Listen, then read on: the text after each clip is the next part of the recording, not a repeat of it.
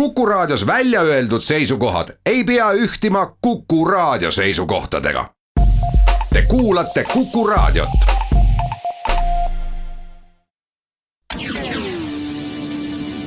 tähelepanu. algab saade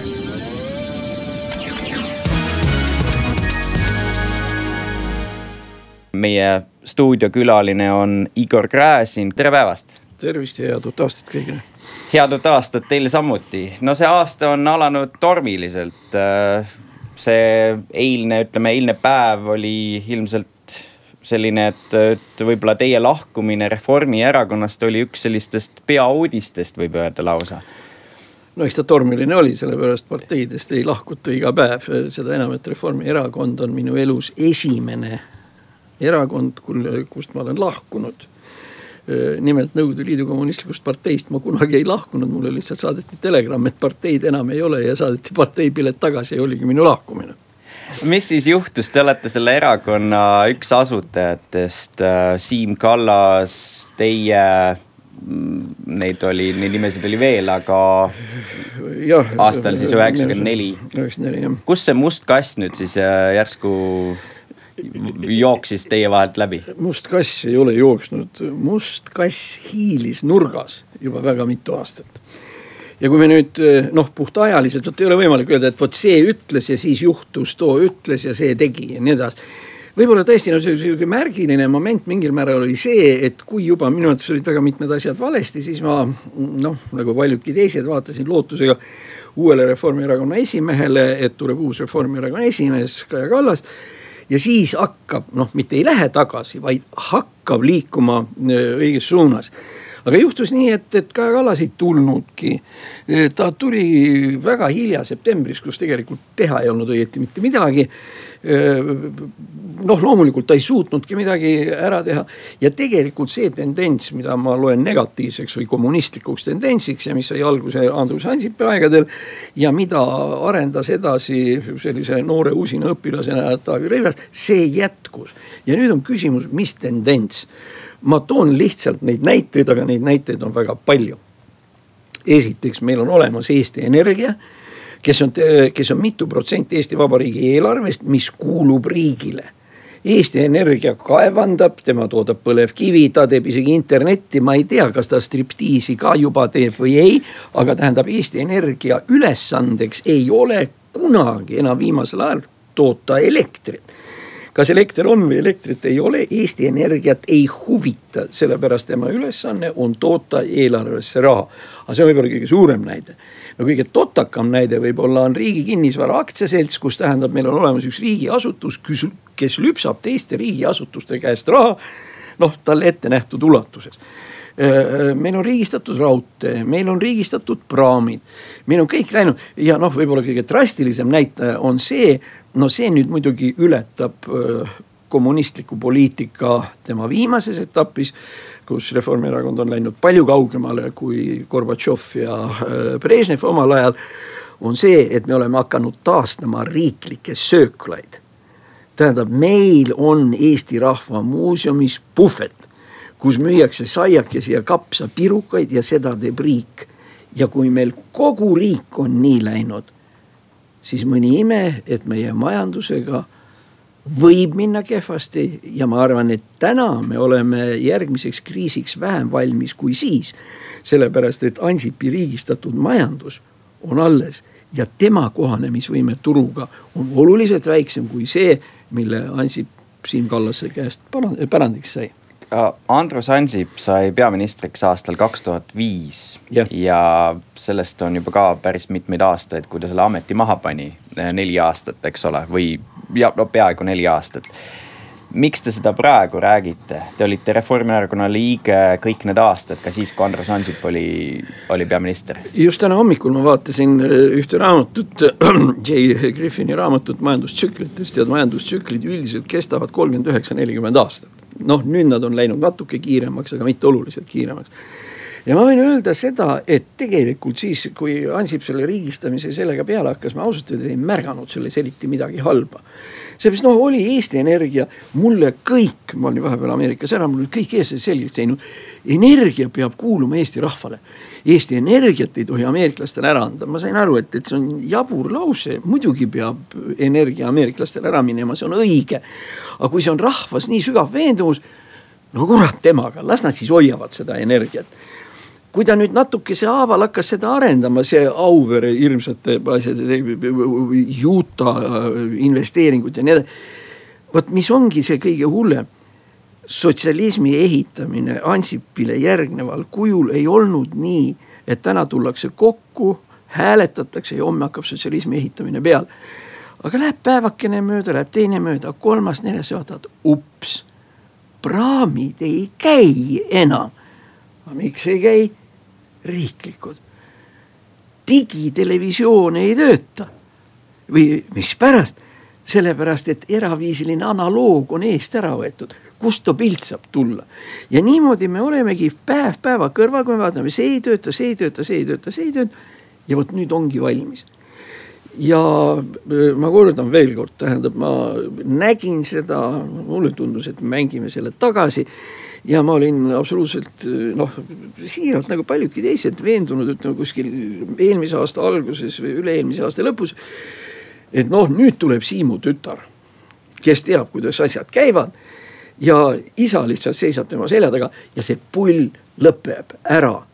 no suveks oli selge, et ei ja minu otsus ei tulnud üleöö, see oli ikkagi kuskil augusti lõpupoole püsitasa ja. no te mainisite Kaja Kallast, Siim Kallase tütart, me vestlesime eile ka Kaja Kallasega ja tema kinnitusel on Reformierakond jätkuvalt liberaalne, ta ütles, teie väidetel ei ole alust, ta ütles ka seda, et äh, te ei ole temaga nendel teemadel rääkinud, et äh, kuidas siis tegelikult on, kes nüüd siis tegelikult üksteisest siin mööda räägib, kas te olete rääkinud temaga või ei ole? ei, me ei räägi siin praegu mööda, vastupidi, me räägime väga täpselt ja meie jutt langeb täpselt kokku.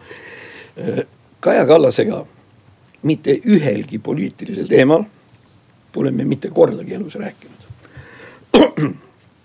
ei varases lapsepõlves ega nüüd, nüüd, kui ta tuli Eestisse, meil oli kaks sihukest väga tõsist jutuajamist, mis puudutasid tehnilisi küsimusi, üleminekut Euroopa Liitu ja seal mõningad sellised tehnilised küsimused. ja see oli kõik. ma ei ole ka osalenud ei programmi toimkonnas ega kuskil, ma olen lihtsalt püüdnud sinna natukene kirjutada, nii et selles mõttes äh, Kaja Kallasel on õigus, me rääkinud ei ole. nüüd punkt kaks on see, mida arvata sellest praegusest programmist, mida tehtud on mina väidan, et see on ebapiisav, seal on kahel-kolmel korral seda erastamist nimetatud, aga see ei ole kaugeltki mitte see, mida vaja. aga te just praegu ütlesite, et ei ole osalenud äh, programmi toimkonnas, miks siis? et aga see oleks ju see koht olnud, kus oma neid mõtteid äh, välja öelda ja, ja vaielda ja seista ja. nende ma olen, aga ma olen teises kohas osalenud, ma olen programmi lugejate toimkonnas olnud, tähendab, ma olen lugenud ja vaadanud, mis seal kirjas on ma edastasin programmi toimkonnale dokumendi, mis nüüd ilmub kahe nädala pärast ajalehes Kes kus ja ta on sihuke üle terve lehekülje või, või natuke rohkem. ja selle nimi on kahe, kahekümne esimese sajandi vabaduse manifest kust, mis on natuke ekvivalentne Siim Kallase kodanike manifestile üheksakümmend neli ja see on minu kirjutatud. ja seda mul paluti teha ma andsin selle ära, keegi seda lugenud ei ole, retsenseerinud seda ei ole ja see läks hukka. ma olen mitu korda seda uuesti programmi toimkonnale saatnud eesmärgiga, et noh, siin on kohad, mida me võiksime arutada. vastust pole olnud ja ma ausalt öeldes, ma väga vabandan, et ma praegu lülitan telefoni välja, aga see võib iga raadiokuulaja, raadiokuulaja. võib-olla raadiokuulajad olid juba nii aktiivsed. nii aktiivne ja, ja, ja aga vaata, ega see praegune programm ju tegelikult halb ei ole. aga teda on vähe sest kui programmi sisuks on see, suurendame palka, teeme seda pensionit, arendame seda, investeerime siia, investeerime tänna, see tähendab, et ühiskond ei muutu. see ongi sotsialistlik ühiskond.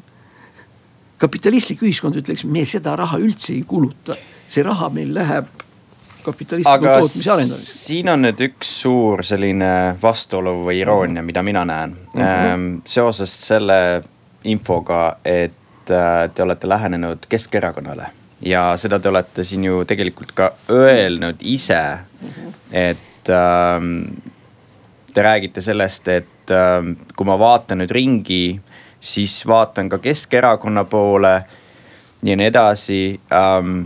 kuidas, samal ajal te räägite, kritiseerite riigikapitalismi. Keskerakond, mis Tallinnas võimul olles tõi meile nii-öelda tasuta bussid, nii edasi, nii edasi, nüüd on üle Eesti seda tegemas. kuidas saab öelda, et Keskerakond esindab vähem sellist riigi, riigi sekkumist äh, nõudvat ja toetavat äh, maailmavaadet kui, kui Reformierakond? Äh, vaata kõike, kõiki häid asju, me kõik tahame olla terved ja tugevad ja ilusad, aga paratamatult me oleme kõik haiged ja inetud selles mõttes praegu sihukest puhast korralikku liberaalset erakonda, nagu mina oleksin tahtnud või nii, nagu me üheksakümne neljandal aastal tegime, tegelikult siin praegu ei olegi.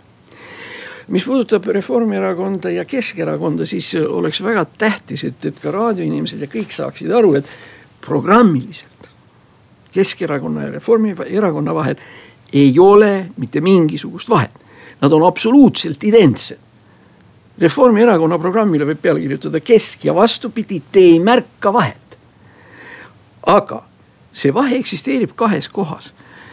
esimene koht on kahtlemata Venemaa poliitika, aga mis on meil korralikult tegelikult läbi rääkimata ja kus Keskerakonna äh, Vene poliitika ei ole sugugi mitte halvem kui näiteks Trumpi oma ja mis on tegelikult Trumpi koopia ja mina olen Trumpi pooldaja, ma ei saa öelda, kas ma olen Keskerakonna pooldaja, aga, aga ma olen Trumpi pooldaja ja Trump ja Keskerakond on väga sarnased. ja teine nüanss on selles, et põhimõtteline vahe Euroopas, vot see, mis minu jaoks on praegu väga tähtis. tähendab praegu näiteks Euroopa komissar Andrus Ansip esineb korduvalt Eestit kritiseerivalt ja nii-ütelda ebapatrioot, millest on isegi suur pahandus tulnud. Ja Äh, Ansip esindab sellist vot just tugevat föderalistlikku Euroopat, kus riike nagu pole vaja. Siimu positsioon oli suures osas seesama, Siim oli komissar kõige õudsemal ajal, kui oli Barroso noh, Barroso on ju noh, bolševik number üks, Ansipi kõrval on Timmermans, no te vaadake, kelle hulgas on Reformierakond Euroopas. ja järelikult on loogiline, et mõningates küsimustes ma olen sunnitud rohkem vaatama Keskerakonna poole, kellel on kerge selline euroskeptiline flöör täiesti olemas. ja kelle peaministri kohta, Jüri Ratase kohta me võime öelda, et kuu aega tagasi vaatamata kõikidele nendele Ansipi ja, ja Siim Kallase viguritele. Ratas esines Eesti patrioodina, Eesti riigi esindajana ja kusjuures täiesti selgelt Euroopa kriitilisena nii et see ongi see erinevus. aga ma olen muidugi sellega nõus, et sisepoliitiliselt ja nii edasi siin ja see vot seda ma ei tea, tähendab, ma olen lugenud, mida kesk tahab, mida reform tahab, vahe ei ole märgatav. ühel on rohelised plakatid, teised on kollased, midagi muud nagu ei tule no mis puudutab nüüd seda Jüri Ratase euro, Euroopa Liidu kriitilisust, siis äh, see tuleb küll üllatusena, et äh, milles see kriitika seisneb, me kõik teame seda, kuidas äh, ta sai peaministriks ajal, mil Eesti võttis, eks ju, eesistumise üle, nii edasi. Ähm, me oleme näinud seda, kuidas Ratas saab väga hästi läbi Euroopa Liidu liidritega, et ei ole kuskil mina lugenud seda, et et, äh, et ta oleks kriitiline Euroopa Liidu suhtes?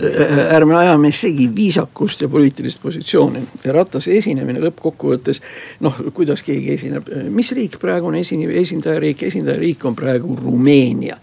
Rumeenia kohta rakendatakse ja valmistutakse rakendama praegu sanktsioone ja tegema ei tea mida kõike millest ei järeldu, et Rumeenia ei vii euroasja edasi nagu eesistujale kohaneb ja ta teebki seda Ratase puhul täpselt sama asi.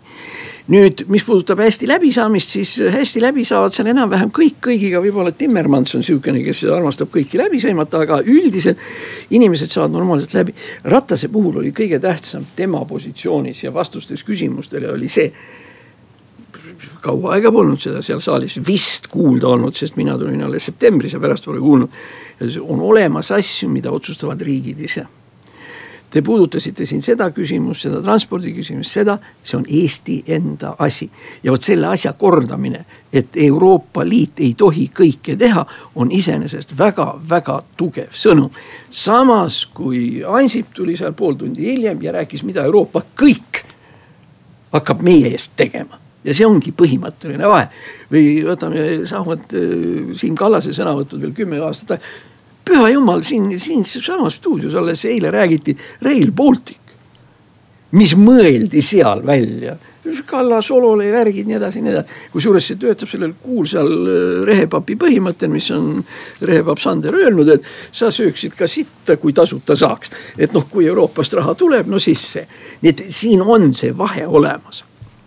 no kas vastab siis tõele, et ähm, te olete valmis kandideerima järgmine kord Euroopa Parlamendi valimistel ehk siis järgmine aasta Keskerakonna ridades? ei vasta tõele sel lihtsal põhjusel, et, et nagu te nüüd aru saate, tähendab minu jaoks oli elu üks kõige lõbusamaid päevi.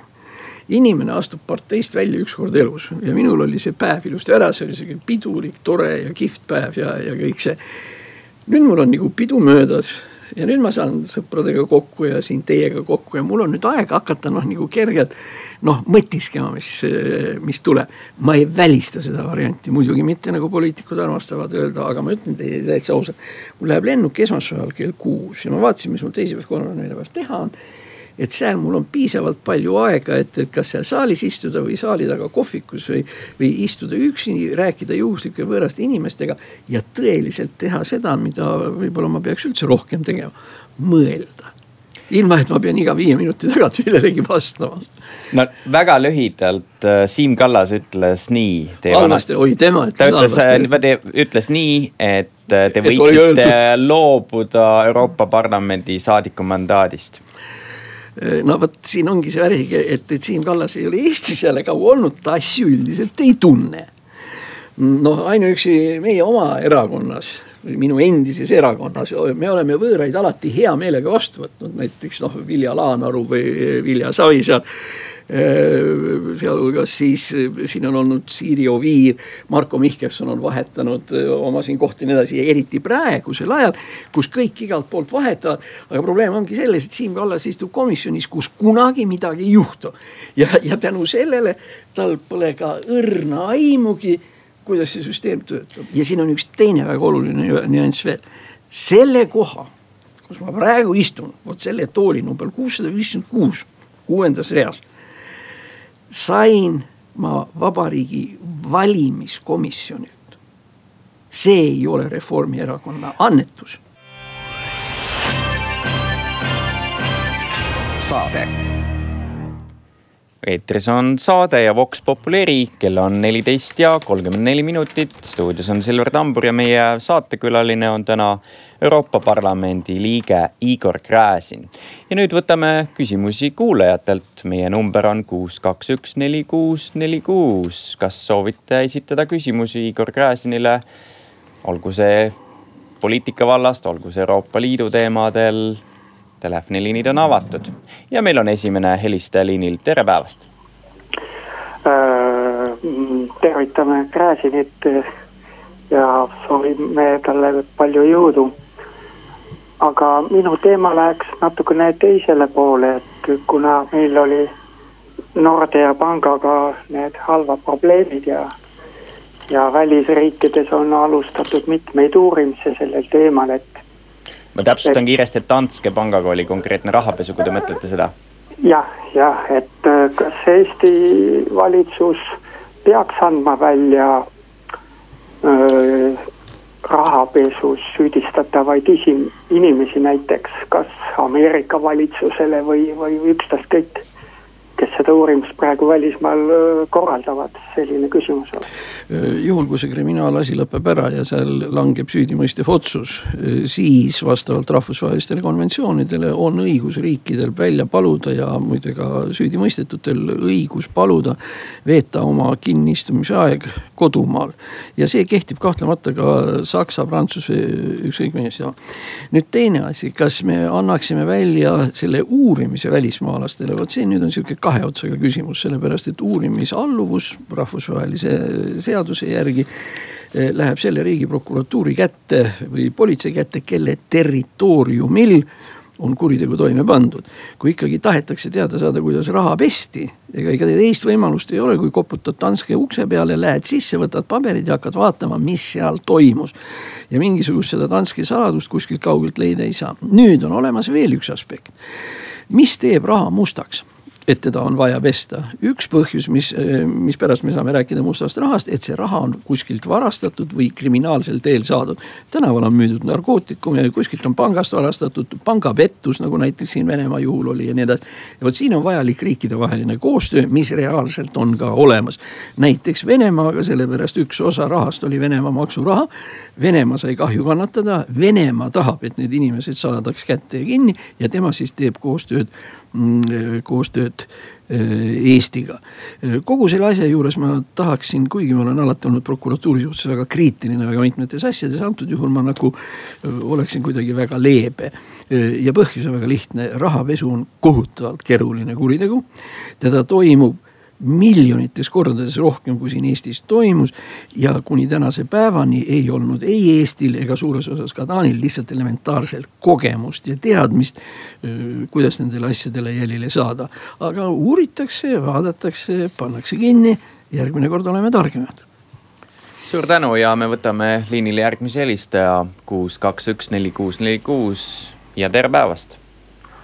Äh, tere ja head uut aastat. Teile ka et eelmise aasta lõpul tegi üks valitsuskoalitsiooni kuuluva erakonna liige tapmisähvarduse opositsiooni kuuluvale parlamendiliikmele. kuidas teie kui jurist ja Europarlamendi saadik suhtute sellesse, et ei siseminister, kes on selle ähvardajaga samas parteis, ei parlamendi esimees, kes on samas parteis, ja ka Euroopast ei ole kuuldud hääli, kus seda oleks hukka mõistetud, politsei poolt pole ka kuuldunud, et midagi oleks nagu tehtud, et mida see nagu juriidiliselt tähendab, et miks see nii on, et kas meil on nagu eri, erinevad standardid nagu asjade uurimisel ja suhtumisel või kuidagi, noh, väga kummaline olukord on minu arvates mm. -hmm. väike siis juriidiline selgitus, et, et tähendab, millal siis tuleb kriminaalpolitsei asjale kallale.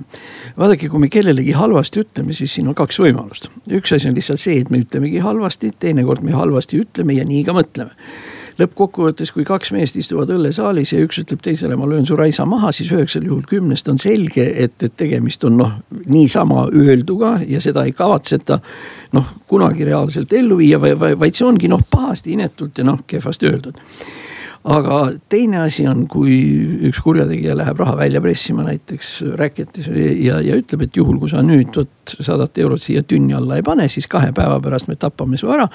Siis on alust arvata, et seda tapmist tuleb võtta tõsiselt. nüüd kriminaalkorras karistatav on just see teine pool. tähendab, kus inimese tegu tähendab reaalselt ka äh, kuritegu või reaalse kuriteo ähvardust. aga kui nüüd niisama plärtsutakse sealsamas vihmaveetoru taga või õllesaalis ja nii edasi, siis see üldiselt noh, ütleme niimoodi, see ei ole ilus. ja kui me praegu nüüd vaatame seda konkreetsemat asja, ma ei ole kahjuks sellega tegelenud ja, ja lähemalt vaadanud, üldiselt see on politsei otsustada ja täiesti kindel on see, et kui siin kuriteo koosseis on, ega see kuskile ka ära ei kao suur tänu ja me võtame järgmise helistaja ja on liinil juba järgmine helistaja, tere päevast Eh, tere päevast, head seda aastat nii eh, Kukule kui saatekülalisele härra Gräzinile. täname eh,. mul on selline küsimus, ma olen tegelikult väga pikalt teist, teid jälginud nii Tallinna Televisiooni saates kui infotundides ja Riigikogu üldiselt ja ma olen väga positiivselt noh meelestatud ja, ja meeltmööda on need härra Gräzini sõnavõtud ja arvamused. ja üks küsimus on see, et ka, äh, tore oleks muidugi, kas te jätkate seal härra Raidiga seda poolkuu Igor Gräziniga seda saadet? Vastus jah ta läheb eetrisse iga kahe nädala tagant äh, teisipäeva õhtuti. saate pealkiri tuleneb sellest, et ta läheb eetrisse iga pool kuu tagant.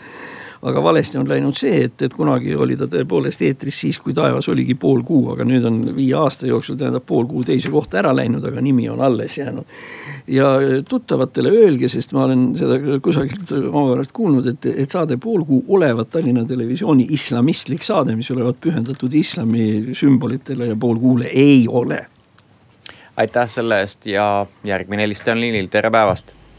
tervist, et minul sihuke küsimus, et ma just paar päeva tagasi vaatasin seda Riigikogu, kus, kus te sõna võtsite ja Lauristin minema pani. siis ma isaga just ennustsin, et huvitav, kaua Gräzin Reformierakonnas veel on ja kuna ta EKRE-sse nii-öelda läheb aga nüüd tuleb välja, et hoopis Keskerakond on see nagu partei, et kuidas te seda nagu põhjendate? ma arvan, et siin on meil teiega ajalised ja kronoloogilised asjad nagu suhteliselt sassis, sellepärast et, et riigikogus ma ei ole enam kuuendast septembrist ja Laurustini ma olen elus palju näinud, aga mitte seal ja mitte seekord. ja mis puudutab EKRE kohta, siis võib öelda niimoodi, ma siis tsiteerin EKRE juhti Mart Helmet, kes alles hiljuti ütles, et, et me oleme Igoriga vanad ja head südamesõbrad. aga mitte nii, et ta tuleks meie erakonda. nii et noh, see on EKRE ametlik seisukoht. ja aitäh selle eest ja võtame järgmise helistaja, tere päevast tere päevast, head uut aastat. Teile ka. ma väga loodan, et Igor Gräzin poliitikast ära ei lähe ja noh, kõik märgid räägivad, et mu lootusel on alust. Aga noh, üks väheseid suveräänseid professionaale Eesti poliitikast ja kui ta nüüd nii noorelt tõesti ära läheks, see oleks tõsine kaotus. no seda ei juhtu, eeldan. nüüd küsimus. Äh, ma tean, et härra Gräzin on olnud üks aktiivsemaid selle idee propageerijaid, et Vabariigi Presidendi kui põhiseadusliku institutsiooni, jätame nüüd inimesed kõrvale, kui põhiseadusliku institutsiooni aeg on nagu ümber ja see on ennast selgelt ära elanud ja siin tuleks riigireformi käigus ka sellega üht-teist tõsiselt ette võtta. aga konkreetne küsimus, vahepeal tuli teemaks, et see Rüütelkonna hoone, kus kunagi vist oli Kreutzwaldi nimeline raamatukogu toomkiriku kõrval, kohe Just. Riigikantselei kõrval, et see kipub vabaks jääma. ja oli üks idee, mida ka mina toetasin, nii palju kui mul võimalust oli, et vabariigi presidendi põhiseadusliku institutsiooni, kuni ta veel olemas on, residentsiks võiks saada see Rüütelkonna hoone, siis koonduks ühtlasi võim sinna, kus ta ajalooliselt on olnud mingi, ma ei tea, seitsesada aastat või ja oleks igas mõttes palju kokkuhoidu, mitte ainult materiaalselt, vaid ka ütleme nii mentaalselt ja ühtlasi saaks Kadriorgu teha terve muuseumide linnaku, sest siis saaks selle praeguse kolmekümnendate aastate lõpul ehitatud residentsi, mis on nii hästi ansamblisse projekteeritud, et tihtipeale Venemaa inimesed ütlevad, et teil president istub seal Peeter Esimese ehitatud lossis, eks ole, ajavad nagu selle kõik näitab ainult selle asja kvaliteeti, et sinna saaks teha ka muuseumi, avada ka Ülemise aia alumine Versailles stiilis aed on avatud ja seal oli vist viis muuseumi tekkis, Kumu äh,, Mik-, Mikkeli vana loss, eks ole, uus loss ja Peeter Esimese muuseum. see oleks tõeliselt vahva, vot kuidas te sellesse ideesse suhtute? tähendab, idee teine pool on suurepärane, need muuseumid ja asjad tulekski sinna teha, esimene pool ei meeldi mulle mitte üks rahas, tähendab see fakt et äh, selle asemel, et president saata kukele, te pakute talle veel paremat mingisugust seal kohta ja ütlete, et võimukeskus peab seal olema. no ei klapi see mulle üldse, sest president ikkagi, kui ei ole vaja, siis ei ole vaja ja teda. aga mis puudutab seda, et vot, et ta on veel siis võimule väga lähedal, sellele ma vastaksin siinsamas Kuku raadio asutaja Rein Langi ideega, kelle idee oli viia presidendi loss mm, äh, vana Bergi mõisasse, tähendab Sangaste lossi Lõuna-Eestis, millel oleks olnud Rein Langi arvates ja minu arvates üldse äh, see väga oluline pluss, et see, see president ei töllerdaks siin jalus. Ja ta ei saaks naljalt siia Tallinnasse meid segama tulla ja istugu seal Sangastes ja, ja olgu ja ta ei sega meid, anname talle süüa ja ongi kõik see on idee kuskilt aastast tuhat üheksasada seitse, üheksakümmend kaheksa. miks nüüd president likvideerida, noh üldiselt on see teada, teda ei ole vaja ja viimane presidendi kõne näitas ka sellele, et noh, ka jutumeest sealt ei ole, et tähendab, mida edasi, seda kehvemaks see jutt läheb ja muide. ma saan aru, et, et minusse suhtutakse nüüd üks kraadi võrra halvemini, aga no pange kõrvale Putini kõne, tähendab, mis toimus samal ajal Venemaal või tund aega varem. ja te näete, kuidas on võimalik inimlikult rääkida kui Putini kõne teema oli see, et kuidas te elate, venelased või kuidas elad venelane või kuidas elad inimene, siis Kaljulaiu kõnel ei olnud üldse mingit sisu. nüüd see asi on natuke komplekssem, see likvideerimine, kui president ära likvideerida, tekib ikkagi küsimus, kes on see, kes seadused välja kuulutab ja ütleb, kas ta on põhiseaduslik või mitte. see eeldab nüüd kahekojalist riigikogu kahekojaline riigikogu on niimoodi, alamkoda kaheksakümmend inimest, palgalised, nii nagu nad praegu on. ja nelikümmend on tasuta ja palgata, kes käivad kord kahe kuu tagant koos ja löövad siis seadustele pitsateid peale, nii nagu senatid ja ülemkojad üldse peavad tegema. ja sellisel juhul presidendi funktsioon, see ainus, see seaduste reguleerimise funktsioon, see langeb ka ära, kusjuures pange tähele ühte asja, me ei õpi ajaloost mitte midagi. presidentidega on nii, mida edasi, seda hullemaks läheb no huvitav, no kaua me siis seda eksperimenti peame jätkama? selge, aga võtame järgmise helistaja, tere päevast. tere päevast, head uut aastat, härra saatejuht ja Kuku raadio kuulajaskonnale ka head uut aastat. aitäh teile samuti I. Igor Gräzinile niisugune küsimus, möödunud aasta te avaldasite Eesti Päevalehes artikli, kus te sõimasite Leninit bandiidiks ja Lenini tähendab valitsust bandiitide kogumiks kas see oli kellegi ärgitusel või teie enda mõtlemisel, kui te ise niiviisi mõtlete, siis te üldse poliitikasse ei sobi. see, see erakond on hädas, kes teiesuguse poliitikuga tegemist teeb, aitäh. siis ma arvan, et, et on saabunud aeg soovida õnne Reformierakonnale, sellepärast äh, minu lahkudes on ta suurest hädast lahti saanud. Äh, ma ütlen, kuskohast see sõna bandiit tuli, tegelikult noh, oleks pidanud ütlema muidugi retsidivist ja teil on selles suhtes täiesti õige põhjus on järgmine. tuhande üheksasaja seitsmeteistkümnenda aasta suvel oli Lenin valitsuse poolt tagaotsitav. Lenini pildid olid üleval. ja tema pea eest oli välja pandud viis tuhat rubla. jälitus toimetas jälitus toimetas hilisem NSV Liidu peaprokurör Võšinski kes elu lõpuni värises, et need tema üles kleebitud plakatid otsitakse taga. et need ujuvad välja ja et Stalin võib hakata teda sellega, nendega. lisaks sellele olid kohtu poolt kaudselt süüdi mõistetud enamus keskkomitee liikmeid, nende hulgas. noh, kõigepealt ehk kõige tähtsam Jakov Sverdlov, eks ole, tõenäoliselt üks, üks kõige. siis Baumann noorem, Kržanovski Äh, Pavlodarski, äh, Dobrõnin. tähendab, need keskkomitee liikmed olid juba kohtu poolt süüdi mõistetud, see oli otseselt kuritegelik kamp. ja kuritegelik kamp võttis võimu üle ja nii see oli ja ma ei oska öelda, no okei okay,, ma ütlesin bandiitide, no ütleme siis niimoodi kurjategijate kamp või ükskõik mida, kusjuures huvitav on see, et neid mitte keegi ei tunnustanud ka rahvusvaheliselt. sellepärast, et noh, meestel olidki jälitusorderid kuklas kõigil suur tänu ja võtame järgmise helistaja, telefoninumber kuus, kaks, üks, neli, kuus, neli, kuus.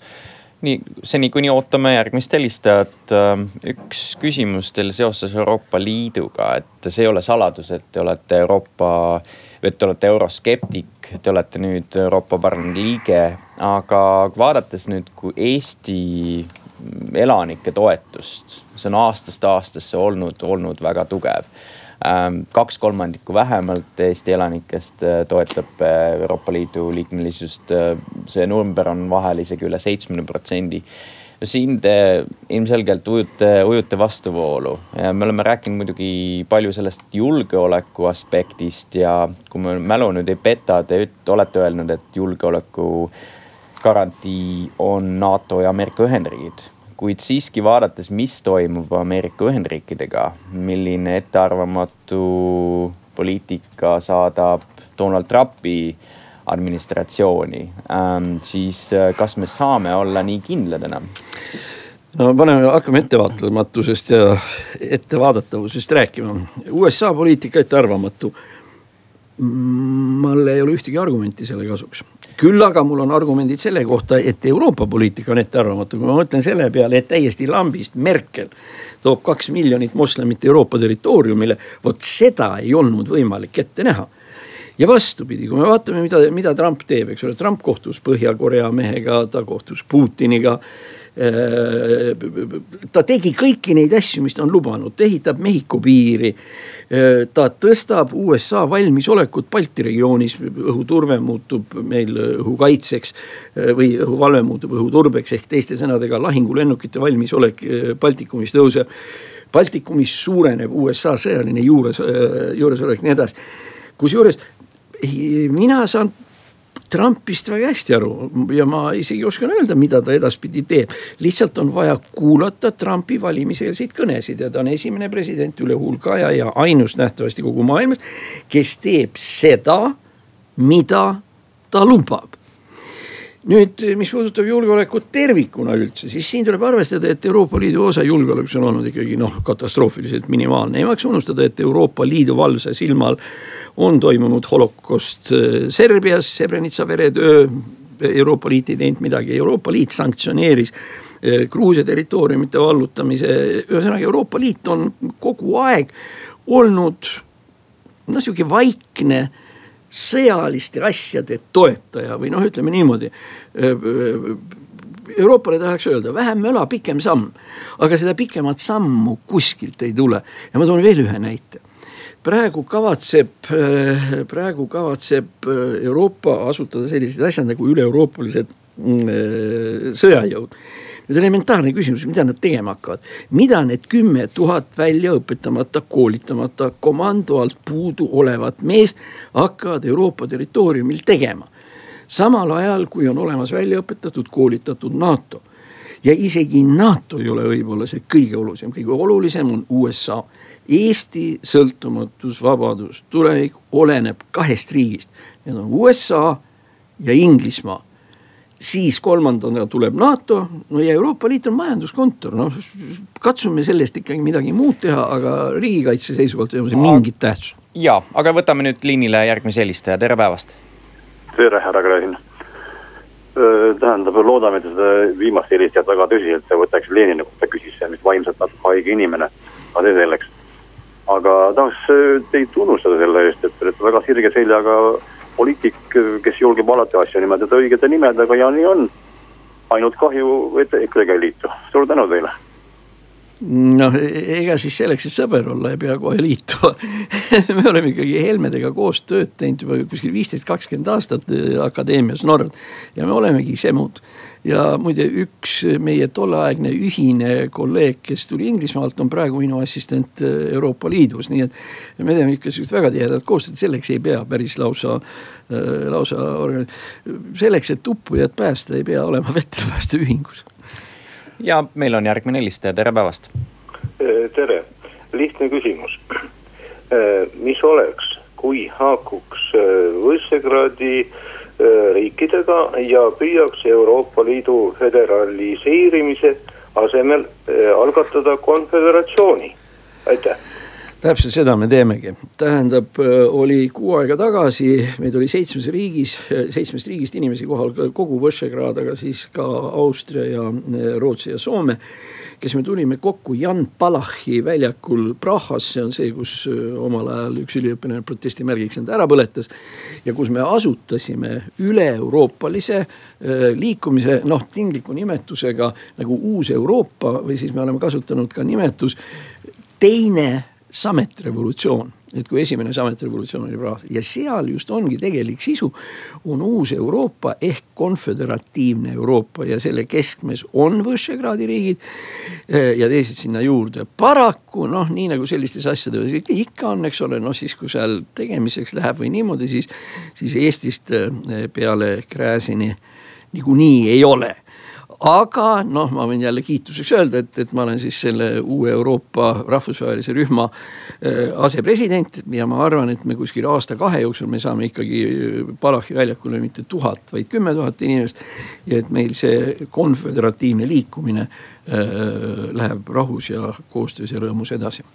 Teeme nüüd äh, ühe asja veel selgeks, siin oli ka üks küsimus teie liit, võimalikust liitumisest või mitteliitumisest EKRE-ga kust see peamine veelahe teie ja EKRE vahel siis jookseb? nagu ma aru saan, kas siin on ikkagi isikuvabaduste teema see, see võtmeküsimus? isikuvabaduste teema on seal sees, kahtlemata on. aga, aga ära küsi kogu aeg selle veelahe kohta, no ütleme niimoodi, kus kohas läheb näiteks Gräzini veelahe ülemaailmse krokodillide kaitse assotsiatsiooniga. tähendab, seal on veelahe, on ookean või kus läheb, ütleme, margikogujate liiduga. point on lihtsalt selles, et me oleme erinevad ja tähendab, minu suhtumine, ütleme inimõigustesse, nende kaitsesse ja nii edasi, on paratamatult noh, juriidilisem ja tugevam võib-olla kui, kui EKRE poistel. aga tegelikult veel üks tõsine asi on, aga ma juba rõõmuga näen, et, et, et asjad hakkavad muutuma, on muidugi ka majandus sellepärast näiteks see, kui nad räägivad Saaremaa sillast või me siis investeerime sinna, investeerime tänna, siis ju põhimõttelist vahet, ütleme EKRE ja Reformierakonna vahel ei ole. see on ikkagi seesama sotsialism, lihtsalt noh, nemad on nagu sotsialistid rahvusliku värvinguga ja Reformierakond on sotsialistid, kommunistid ilma värvingut.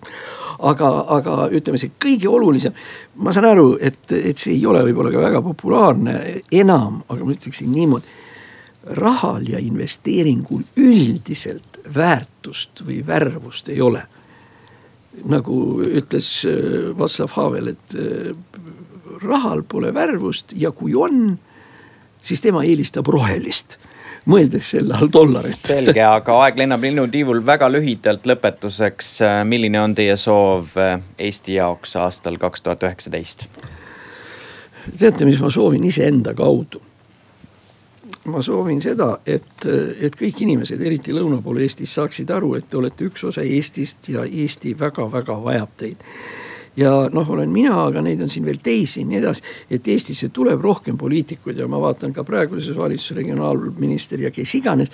et poliitikud jõuavad inimesteni. Ja ma loodan, et iga inimese juurde koputab keegi uksele, üks minister või tegelane ja küsib, kuidas sa elad? Ja teine, mida ma saan sinu heaks teha suur tänu selle eest ja meie stuudios oli täna Euroopa Parlamendi liige Igor Gräzin. Te saate seda järgi kuulata ka Kuku raadio koduleheküljel juba mõne aja pärast, suur tänu.